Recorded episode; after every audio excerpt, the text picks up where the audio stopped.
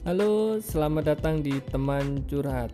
Senang banget akhirnya bisa launching podcast ini untuk media sharing berbagai hal positif.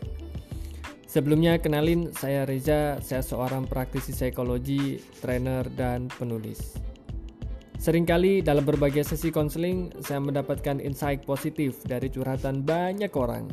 Kenapa namanya teman curhat? Ya, karena saya yakin kita semua butuh namanya teman curhat teman berbagi, dan mendengar. Semoga podcast ini jadi media positif bagi kita semua.